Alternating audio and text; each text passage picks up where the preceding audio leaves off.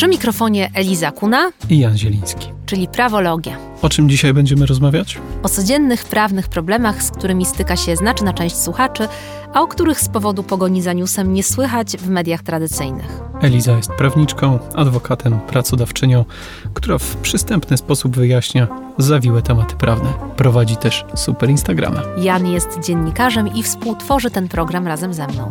Jesteśmy tu dla Państwa i dzięki Państwu. Chcemy robić ten podcast profesjonalnie i tak, by był pomocą dla wielu osób, których nie stać na poradę prawną. Jeśli zatem nasz skromny program umieli Państwu czas lub pomoże w przejściu przez postępowanie sądowe, to zachęcamy do wsparcia nas na platformie Patronite www.patronite.pl ukośnik prawologia. Dziękujemy wszystkim patronom. Dzięki Waszemu wsparciu możemy nagrywać w profesjonalnym studiu. A jesteśmy w studiu Efektura i zaczynamy. Wracamy dzisiaj do tematu dzieci. Dzieci, które e, budzą bardzo dużo emocji wśród komentujących i osób przysyłających do nas e, wiadomości. Zastanawiamy się dzisiaj nad edukacją dzieci, które są w procesie rozwodzenia się rodziców i rozchodzenia się rodziców. Krótkie pytanie: czy mogę zmienić szkołę mojemu dziecku bez zgody matki? Zacznę od tego, że w Polsce nadal panuje obowiązek szkolny. Czyli wszystkie dzieci obecnie do 15 roku życia mają obowiązek uczęszczania do szkoły, zaś nieuczęszczanie do tej szkoły jest egzekwowane przez sąd rodzinny, czyli brak frekwencji w szkole, brak zapisania dziecka do szkoły może spowodować chociażby ingerencję w postaci wglądu w sytuację w rodzinę, czy mm, nadzoru kuratora, czy też nawet umieszczenia dziecka w pieczy zastępczej. To oznacza, że skoro dzieci mają obowiązek szkolny, to rodzice powinni go realizować. Dodam, że przed reformą edukacji, w okresie kiedy były jeszcze gimnazja, ten obowiązek szkolny był nawet dłuższy, czyli do 16 roku życia. Teraz z powrotem został zredukowany do ośmioklasowej podstawówki, czyli do 15 roku życia. Zatem, jeśli jeden z rodziców zapisuje dziecko do szkoły publicznej i jest to szkoła podstawowa, to de facto dyrektor takiej szkoły, w szczególności szkoły rejonowej, nie ma prawa odmówić zapisu do takiej szkoły, nawet jeśli pod wnioskiem nie podpiszą się oboje rodzice, bo wynika to właśnie z konieczności realizacji tego obowiązku szkolnego. Co to oznacza w praktyce? W praktyce to oznacza, że rodzic wiodący, najczęściej matka, e, jeżeli ma potrzebę zapisania dziecka do szkoły publicznej rejonowej, a drugi rodzic albo pozostaje bez kontaktu, albo mieszka za granicą, albo nie wyraża na to zgody, albo nie odpisuje na maile, nie chce podpisać tego wniosku, albo po prostu z pobudek jakichś osobistych nie chce się udać do szkoły i w tej procedurze rekrutacyjnej uczestniczyć, to właściwie nie ma przeszkód, żeby ten rodzic wiodący do szkoły rejonowej zapisał i w moim przekonaniu nie stanowi to nadużycia władzy rodzicielskiej, dlatego że stanowi właśnie realizację tego obowiązku szkolnego. Problemy zaczynają się przy innego rodzaju szkołach. W szczególności mówimy tu o szkołach specjalistycznych albo szkołach prywatnych i społecznych, które budzą największe kontrowersje. Ze względów, rozumiem, finansowych przede wszystkim są te kontrowersje. Tak, dlatego że przeciętne czesne w Warszawie w szkole społecznej czy prywatnej wynosi co najmniej 2000 zł miesięcznie. I to oczywiście powinno rzutować na obowiązek alimentacyjny. Dlatego największe potyczki zaczynają się właśnie od e, prywatnych przedszkól e, i żłobków. E, Które są jeszcze droższe niż szkoły podstawowe. Tak, wynika to z właśnie braku dostępności placówek publicznych. Z racji tego, że przez wiele, wiele lat właściwie nie było miejsc i możliwości zapisania dziecka do publicznego żłobka, a także z publicznymi przedszkolami był problem. Od trzech czy czterech lat ta sytuacja się zmieniła, jeżeli chodzi o przedszkola. Zostało otwartych wiele nowych placówek, jest też wiele placówek dofinansowywanych przez miasto. Ja oczywiście mówię o sytuacji miasta, w którym pracuję, czyli Warszawa, gdzie faktycznie w moim przekonaniu, akurat w tym aspekcie, miasto stanęło na wysokości zadania i nawet jeśli nie ma w naszej dzielnicy dostępnych placówek stricte publicznych, to jest wiele miejsc w placówkach prywatnych dofinansowywanych przez miasto, gdzie de facto czesne ogranicza się do posiłków i do zajęć dodatkowych, czyli oscyluje w granicach 400 zł. Albo przynajmniej tak chcemy wierzyć, że tak jest, bo pomimo dofinansowania chciwość ludzka nie zna granic.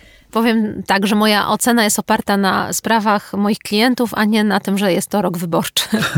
E, w każdym razie, wracając do tego tematu, jeszcze parę lat temu właściwie zapisanie dziecka do państwowego żłobka bądź przedszkola graniczyło z cudem. To oznaczało, że dzieci zaczynały edukację w prywatnych placówkach. To wyznaczało pewien precedens, dlatego że kiedy rodzice rozstawali się na etapie tego prywatnego przedszkola, to często rodzic wiodący, czyli matka, argumentował w sądzie, że skoro już raz chodziło do prywatnego żłobka za 2000, potem do prywatnego przedszkola za 2200, to skoro chodziło do wesołych mróweczek, to dlaczego nie może pójść do prywatnej szkoły? Przecież w końcu oboje się godziliśmy na to prywatne przedszkole. I tutaj drugi rodzic, mimo tego, że na przykład dysponował budżetem na to, żeby jego dziecko chodziło do prywatnej szkoły, często nie wyrażał zgody. Nie wyrażał zgody z dwóch powodów. Dlatego, że nie chciał być odpowiedzialny na drodze cywilnej za czesne do tej szkoły, czyli bał się takiego obowiązku, że w razie rozstania albo jesteśmy już po rozstaniu z drugim rodzicem, że ta szkoła może rościć zarówno do matki, jak i do ojca. A z jakiegoś powodu na przykład strony czy rodzice umówili się, że to matka będzie płacić to czesne, więc ten ojciec nie stawał do tej umowy ze szkołą bądź przedszkolem. Drugim powodem był oczywiście obowiązek alimentacyjny. Czyli jeżeli ja się podpiszę pod umową na prywatną szkołę dla mojego bąbelka, to potem mój obowiązek alimentacyjny będzie potencjalnie o połowę tego czesnego, czyli 1200-1300 zł wyższy. I w związku z lawinowym rozwojem edukacji prywatnej w Polsce, szczególnie w dużych miastach, ale nie tylko, lawinowo także rozpoczęły się e, procesy, właściwie postępowania nieprocesowe o tak zwane rozstrzygnięcie o istotnych sprawach dziecka, czyli właśnie o zgodę zastępczą sądu na uczęszczanie do jakiejś konkretnej placówki przez moje dziecko. E, to jest e, oczywiście sytuacja kiedy oboje rodziców e, są dostępni, są mm, e, na miejscu i trochę walczą ze sobą, może nie trochę, po prostu walczą ze sobą o to, kto ma za to płacić, kto e, będzie miał ten obowiązek alimentacyjny, kto ponosi konsekwencje, ale co w sytuacji, kiedy drugiego z rodziców nie ma po prostu, bo wyjechał za granicę albo jest mieszkańcem innego kraju i wrócił do siebie. Co, co w takiej sytuacji? W takiej sytuacji mamy kilka dróg. Na razie może opowiem o takim bardziej oczywistym przypadku, czyli kiedy rodzic nie żyje. Wiadomo, że jedynym rodzicem sprawującym władzę rodzicielską jest ten, który żyje, bo z zagrobu tej władzy wykonywać nie można. Jeżeli ojciec lub matka jest nieznana albo nieznany, to wiadomo, że jedynym rodzicem wykonującym władzę rodzicielską czyli decydującym o szkole, jest ten, który jest wpisany w akcie urodzenia dziecka. Czyli tutaj też nie mamy, e, nawet jeśli wiemy, kto jest rodzicem biologicznym e, naszego dziecka, nie mamy obowiązku uzyskiwania jego zgody na cokolwiek, w tym oczywiście na szkołę czy na przykład na paszport. Problem pojawia się, kiedy rodzic uznał dziecko i de facto w świetle prawa jest rodzicem w pełni wykonującym władzę rodzicielską, a w praktyce tej władzy nie wykonuje. Bo właśnie, wiele lat temu wyjechał za granicę, zerwał kontakt z dzieckiem, nie utrzymuje tego kontaktu, jest obywatelem innego kraju, nie włada językiem polskim. Wtedy z pomocą e, przychodzi nam sprawa albo ograniczenie władzy rodzicielskiej, albo pozbawienie tej władzy rodzicielskiej, w której możemy wykazywać bardzo szeroko, że właściwie wszystkie aspekty tej władzy rodzicielskiej powinny być przyznane lub prawie wszystkie rodzicowi wiodącemu. I wtedy, jeśli sąd ograniczy władzę rodzicielską drugiego rodzica, a w tych uprawnieniach, które mu przyzna, nie będzie wymieniona e, sprawa wyboru szkoły, to też rodzic wiodący ma prawo samodzielnie podpisać ten wniosek. Natomiast jeśli mamy do czynienia właśnie z rodzicem wykonującym władzę rodzicielską, ale złośliwym, albo e, takim, który po prostu uważa, że szkoła prywatna to nie jest najlepsze miejsce dla mojego bąbelka, to musimy zwrócić się o rozstrzygnięcie do e, sądu rodzinnego. No ale rozumiem, że tutaj niekoniecznie zawsze wchodzi w grę złośliwość, e, wchodzą w grę pieniądze. 2000 nie jest e, łatwo zarobić, a co dopiero wydawać na szkołę. E, niekoniecznie musi tu być też sytuacja, w której my chcemy komuś dopiec, ale po prostu nas na to nie stać albo nie chcemy być przymuszani do takiej czynności, zwłaszcza, że na przykład szkoła rejonowa może być wystarczająco dobra, bo mieszkamy przy bardzo dobrej szkole. No ale jak e, zgłosić taką sprawę, jeżeli już się okazuje, że rodzic wiodący bardzo się uparł i chce wysłać do tej prywatnej szkoły, albo do szkoły muzycznej, albo gdziekolwiek indziej, gdzie jest to czesne. Jak zacząć? Czy najpierw zgłaszamy się do szkoły, czy najpierw zgłaszamy się do sądu, czy może najpierw zgłaszamy się do adwokata? Ja bym chyba wszystkie te trzy y, aspekty rozważyła równolegle i wszystkie te trzy wizyty. Niewątpliwie musimy się dowiedzieć w szkole, jaka jest procedura rekrutacyjna, jak długo ona trwa i kiedy musimy zgłosić akces do takiej szkoły, bo paradoksalnie, mimo tych wysokich, wręcz nawet w niektórych szkołach horrendalnych czesnych, w najlepszych szkołach prywatnych y, w dużych miastach tych miejsc nie ma. Nie najlepszych, nie zawsze najlepszych, a po prostu czasami najdroższych. Tak, w tych najdroższych szkołach z horrendalnym czesnym okazuje się, że na przykład miejsc nie ma na 3 lata do przodu i musimy zarejestrować dziecko wtedy, kiedy ono ma 3 lata, jeśli chcemy rozważyć, aby dziecko poszło w wieku 6 czy 7 lat do danej podstawówki. Niewątpliwie bezwzględnie konieczny jest wniosek do sądu rodzinnego i musimy dobrze rozplanować czas trwania tej procedury, dlatego że żaden sędzia rodzinny nie rzuci swoich najpilniejszych spraw rodzinnych, takich jak na przykład umieszczenie dzieci w pieczy zastępczej, czy zdecydowanie o pozbawieniu władzy rodzicielskiej na poczet tego, że bogata klasa średnia przy sojowym latte na placu Zbawiciela nie jest w stanie zdecydować, czy dziecko ma iść do szkoły brytyjskiej, francuskiej czy amerykańskiej. Czyli mówiąc wprost, to nie są priorytetowe sprawy dla sędziów rodzinnych, dlatego że to są sprawy, gdzie generalnie sądy oczekują, że rodzice będą próbowali dojść do porozumienia. Dlatego na termin rozprawy czeka się przeciętnie od 3 do 6 miesięcy i raczej nie ma co liczyć na jakieś wyjątkowe, ponadstandardowe, szybkie rozstrzygnięcie.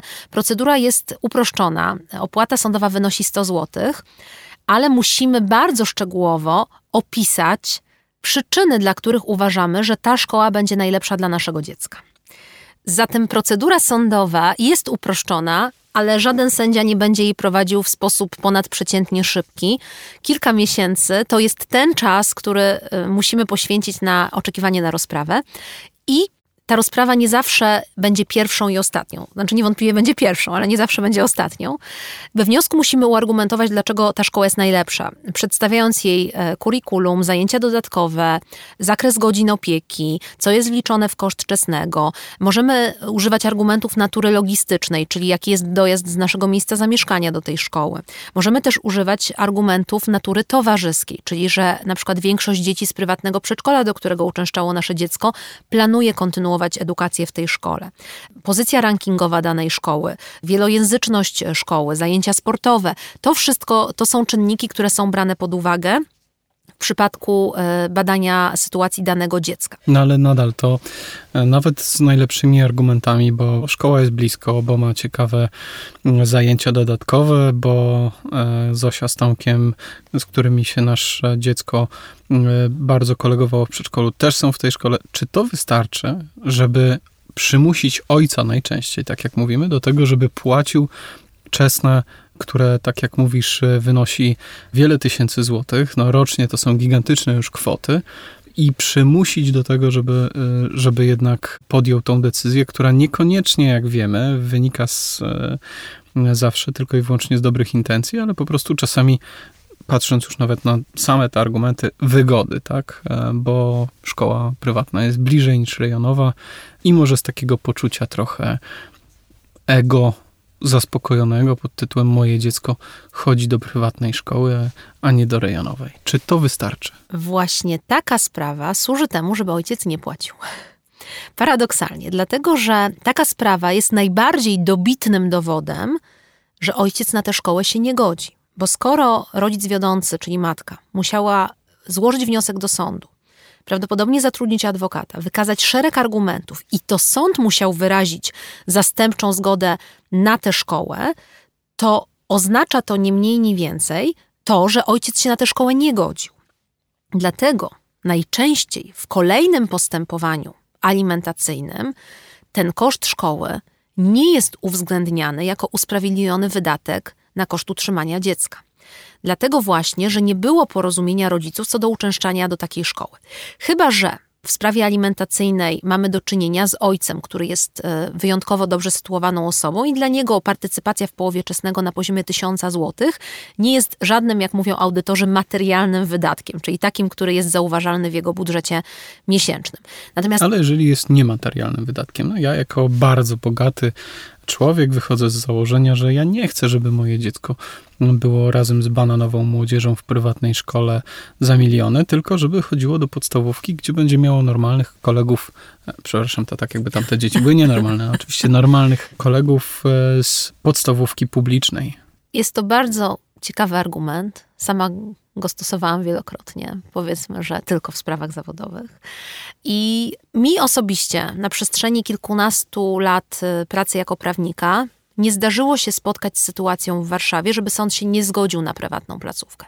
Dlatego, że najczęściej, a przepraszam, przypominam sobie sprawę placówki y, kanadyjskiej jednej, to tak, to zdarza się taka sytuacja, tylko że akurat tutaj była odwrotna sytuacja, że to ojciec chciał, e, żeby dziecko uczęszczało do prywatnej szkoły. Ojciec wówczas nie był rodzicem wiodącym dla tego dziecka, a matka postulowała, aby dziecko uczęszczało do szkoły państwowej.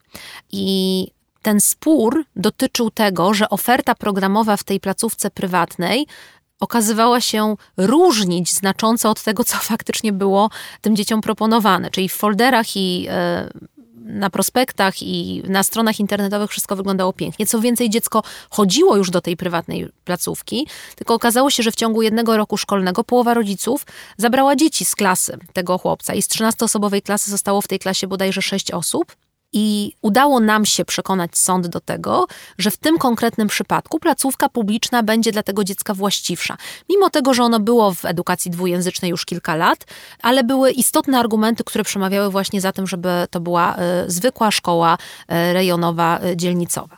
Więc nie chcę powiedzieć, że zawsze rodzic wiodący ma więcej do powiedzenia, ale w razie zaognionego sporu rodziców zdarza się, że sądy wysłuchują dzieci. Uważni słuchacze naszego podcastu już wiedzą, czym różni się wysłuchanie dziecka od badania biegłych i na czym ono polega, ale faktycznie być może w przypadku dziecka sześcioletniego sąd się nie posunie do takiego dowodu, ale jeśli mówimy na przykład o zmianie szkoły, gdzie dziecko uczęszczało przez pierwsze trzy lata do jakiejś placówki i od czwartej klasy wolą jednego z rodziców miałoby pójść do innej, wtedy sąd często się decyduje na to, żeby porozmawiać z dzieckiem, czy ono by chciało też Zachęcamy zmienić. teraz do wysłuchania również poprzedniego podcastu o, o dzieciach i o tym, czy mają prawo głosu, ale wróćmy na chwilę do przekonania, czy do wystąpienia do sądu o, o taką sprawę. Wiemy już, e, że występując do sądu, musimy wziąć pod uwagę to, że sprawa będzie się toczyć kilka, co najmniej miesięcy, jak nie kilkanaście. Musimy wziąć pod uwagę termin składania dokumentów e, podczas procesu rekrutacji, to porozmawiamy chwilę o kosztach. Jakie to są koszty, jeżeli chodzi o złożenie takiej, takiej sprawy i jak wygląda od strony, nazwijmy to formalnej, gdzie się ją składa, czy elektronicznie, czy pocztą, czy na kartce papieru, czy są formularze. Nie ma formularzy urzędowych do tego rodzaju spraw, dlatego że nadal są one traktowane jako sprawy nietypowe. Natomiast e, sama opłata sądowa jest symboliczna, bo wynosi 100 zł. E, niemniej e, no, najtrudniej jest ten wniosek sformułować w sposób prawidłowy. Pewnie część rodziców posiłkuje się pracą adwokatów. Myślę, że zrobimy sobie osobny odcinek o kosztach adwokatów i o tym, czy prawnicy to faktycznie kasta, która zarabia nie wiadomo jak duże pieniądze. No to będzie bardzo krótki odcinek. że tak. O, dziękuję. E, Koniec Natomiast. E, stawki godzinowe kancelarii prawnych w Warszawie różnią się e, diametralnie. Znaczy zaczynają się nawet od kwot 100 zł za godzinę pracy, a oscylują do kwot 500 euro za godzinę pracy w przypadku kancelarii międzynarodowych, korporacyjnych, które specjalizują się w sferze prawa gospodarczego czy jeszcze bardziej niszowych dziedzinach prawa. E, więc spektrum tutaj e, możliwości jest duże. Natomiast oczywiście można skorzystać z pomocy prawnika. E, można też próbować samodzielnie taki wniosek napisać. Pamiętajmy... To podpowiedzmy, skoro nasz mhm. podcast jest dla tych, których niekoniecznie stać na pomoc prawną, podpowiedzmy, co powinno być w takim wniosku, skoro już wiemy, że nie ma specjalnego formularza, jak przygotować taki wniosek, co do niego załączyć, co pokazać? Ja bym na pewno zaczęła od aktu urodzenia dziecka, bo to jest wymóg formalny w każdej, właściwie prawie w każdej sprawie rodzinnej i ten akt urodzenia dziecka musi być w oryginale. Jeśli wcześniej były już jakieś rozstrzygnięcia sądów co do władzy rodzicielskiej, na przykład wyrok rozwodowy, warto też załączyć ten wyrok ze stwierdzeniem prawomocności, czyli z pieczęcią sądu oznaczającą, że ten wyrok jest prawomocny. Pamiętajmy o tym, że ten wniosek musi zawierać podpis własnoręczny. E, wiem, że to taka banalna rzecz, ale mm, proszę mi wierzyć, czy wierzcie, drodzy słuchacze, że bardzo wiele przypadków obejmuje takie sytuacje, kiedy tego podpisu brak. I pamiętajmy o tym, że musi być odpis, czyli drugi egzemplarz dokładnie takich samych E, dokumentów i tego samego wniosku, e, który potem w konsekwencji będzie doręczony drugiemu rodzicowi. Ale rozumiem, że tu wystarczy kserokopia, a niekoniecznie trzeba pisać dokładnie to samo. Tak, wystarczy kserokopia. Dokumenty też już w odpisie nie muszą być w oryginale, tylko mogą być w kserokopii, jeśli chodzi o akt urodzenia czy wyrok. Wszystkie te argumenty, e, o których sobie powiedzieliśmy, czyli właśnie dlaczego ta szkoła jest lepsza od innych, dlaczego dziecko miałoby tam uczęszczać, jaka jest oferta programowa, ile klasa ma osób, może być nawet jakieś zaświadczenie z tej szkoły, że już odbyliśmy wstępną rozmowę rekrutacyjną, e, mail z ofertą e, programową, to wszystko warto załączyć do takiego wniosku i opisać, dlaczego właśnie uważamy, że ta szkoła jest najwłaściwsza dla naszego dziecka. Ten wniosek należy zatytułować jako wniosek o rozstrzygnięcie o istotnych sprawach dziecka, bo tak się formalnie taka sprawa nazywa. Czyli my, jako rodzic wiodący, albo jako rodzic drugoplanowy, tak to nazwijmy kolokwialnie, wnosimy, aby sąd wydał zgodę zastępczą za drugiego rodzica na zapisanie dziecka do szkoły XYZ. Najważniejsze jest to, żeby sprecyzować, o jaką szkołę nam chodzi. Czyli nie możemy wylistować czy mm, wskazać 15 możliwych potencjalnych szkół, do których chcielibyśmy zapisać dziecko, musimy ten wniosek ograniczyć do jednej konkretnej placówki, dlatego że w przeciwnym wypadku sąd takiego postanowienia nie wyda, bo to postanowienie musi być wykonalne, czyli musi każdemu, kto to postanowienie weźmie do ręki, wskazywać, jakie jest precyzyjne rozstrzygnięcie sądu. To tutaj mam pytanie o to, co jest pierwsze jajko czy kura, czyli czy najpierw się dostajemy do szkoły, czy też najpierw składamy wniosek, bo a może powinniśmy zgłosić na przykład sześć wniosków do sześciu różnych szkół, bo nie wiemy w procesie rekrutacji, jak pójdzie naszemu dziecku, a proces rekrutacji pewnie będzie mm, oddalony od e, dnia składania tego wniosku. Ja bym złożyła wniosek najpierw o zapis, czyli o umożliwienie uczestnictwa w procesie rekrutacyjnym do danej szkoły, a ewentualnie w razie gdybyśmy się kwalifikowali do przyjęcia do takiej szkoły, złożyła do tej szkoły wszystkie dokumenty z tym jednym brakującym podpisem, zastrzegając dyrekcji szkoły, że na przykład sprawa jest w sądzie, czyli sprawa jeszcze jest w toku i w toku tego postępowania doprecyzowała, do której szkoły dostało się nasze dziecko.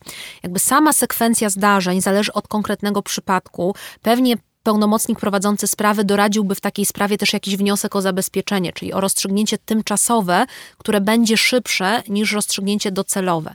Mm, ale mm, akurat w tego rodzaju nietypowych sytuacjach, jak na przykład rekrutacja do liceum, trudno wypowiedzieć się en bloc, trzeba by było e, jednak rozważyć każdy przypadek e, indywidualnie. Niemniej warto taką sprawę już założyć wcześniej. Jeśli wiemy, że egzaminy są w maju, a wyniki są w lipcu, warto rozważyć złożenie wniosku przynajmniej w lutym, żeby była szansa na to, że ta sprawa właśnie na przełomie maja i czerwca trafi na wokandę. A czy tutaj pomagają mediatorzy, czy ich rola jakoś e, nam jest w stanie trochę pomóc, czy z Twojego doświadczenia raczej jest to zawsze sąd? Nie zawsze, dlatego że ugody w tych sprawach najczęściej wyglądają w ten sposób, że e, ojciec wyraża zgodę na zapisanie dziecka do szkoły X, matka zobowiązuje się, że będzie uiszczać czesne za szkołę X. I, I wtedy do ugody bardzo często dochodzi, czy z pomocą mediatora, czy z pomocą pełnomocników, czy z pomocą sądu, który właśnie nakłania do jakiejś ugody.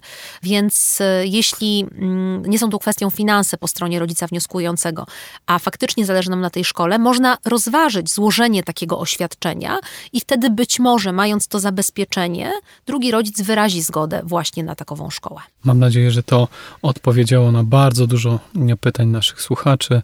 Dziękujemy za dzisiejszy odcinek i dziękujemy naszym patronom. I polecamy się na stronie www.patronite.pl ukośnik prawologia. Do zobaczenia i do usłyszenia.